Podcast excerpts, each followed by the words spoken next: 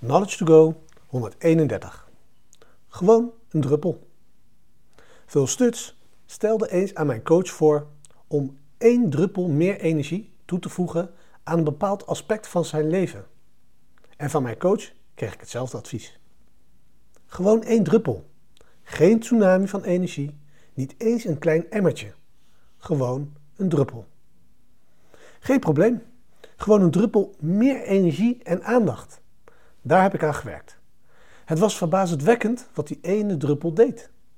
De Boeddha zei 2500 jaar geleden ook zoiets. Beetje bij beetje, zei hij, wordt men goed. Net zoals een waterpot wordt gevuld met water. Druppel voor druppel voor druppel.